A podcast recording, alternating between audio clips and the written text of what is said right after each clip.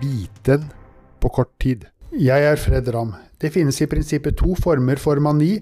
Den som er knyttet til bipolar lidelse, og den som kommer etter hjerneskade av forskjellige årsaker.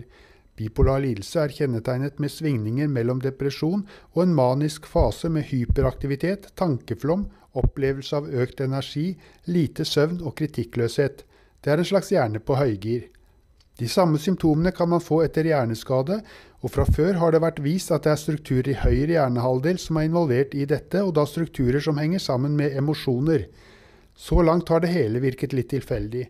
Men en ny kartlegging har sett på hjernenettverk mer enn enkelte strukturer, og da danner det seg et klart bilde. Det er forbindelsene mellom deler av pannelappene, orbitofrontal cortex og frontal polar cortex, og deler av tinninglappene som er forandret.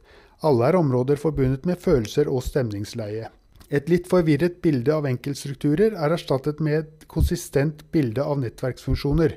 Det vites ikke om noen tilsvarende er tilfelle for mani i bipolar lidelse, men om funnene kan gjentas der, mener forskerne at det kan åpne for målrettet behandling med det som kalles transkranial magnetstimulering, TMS, en elektromagnetisk stimulering fra elektroder festet utenpå hodet. Mens dette er et spor, gjenstår det mye forskning før det kan trekkes sikre konklusjoner.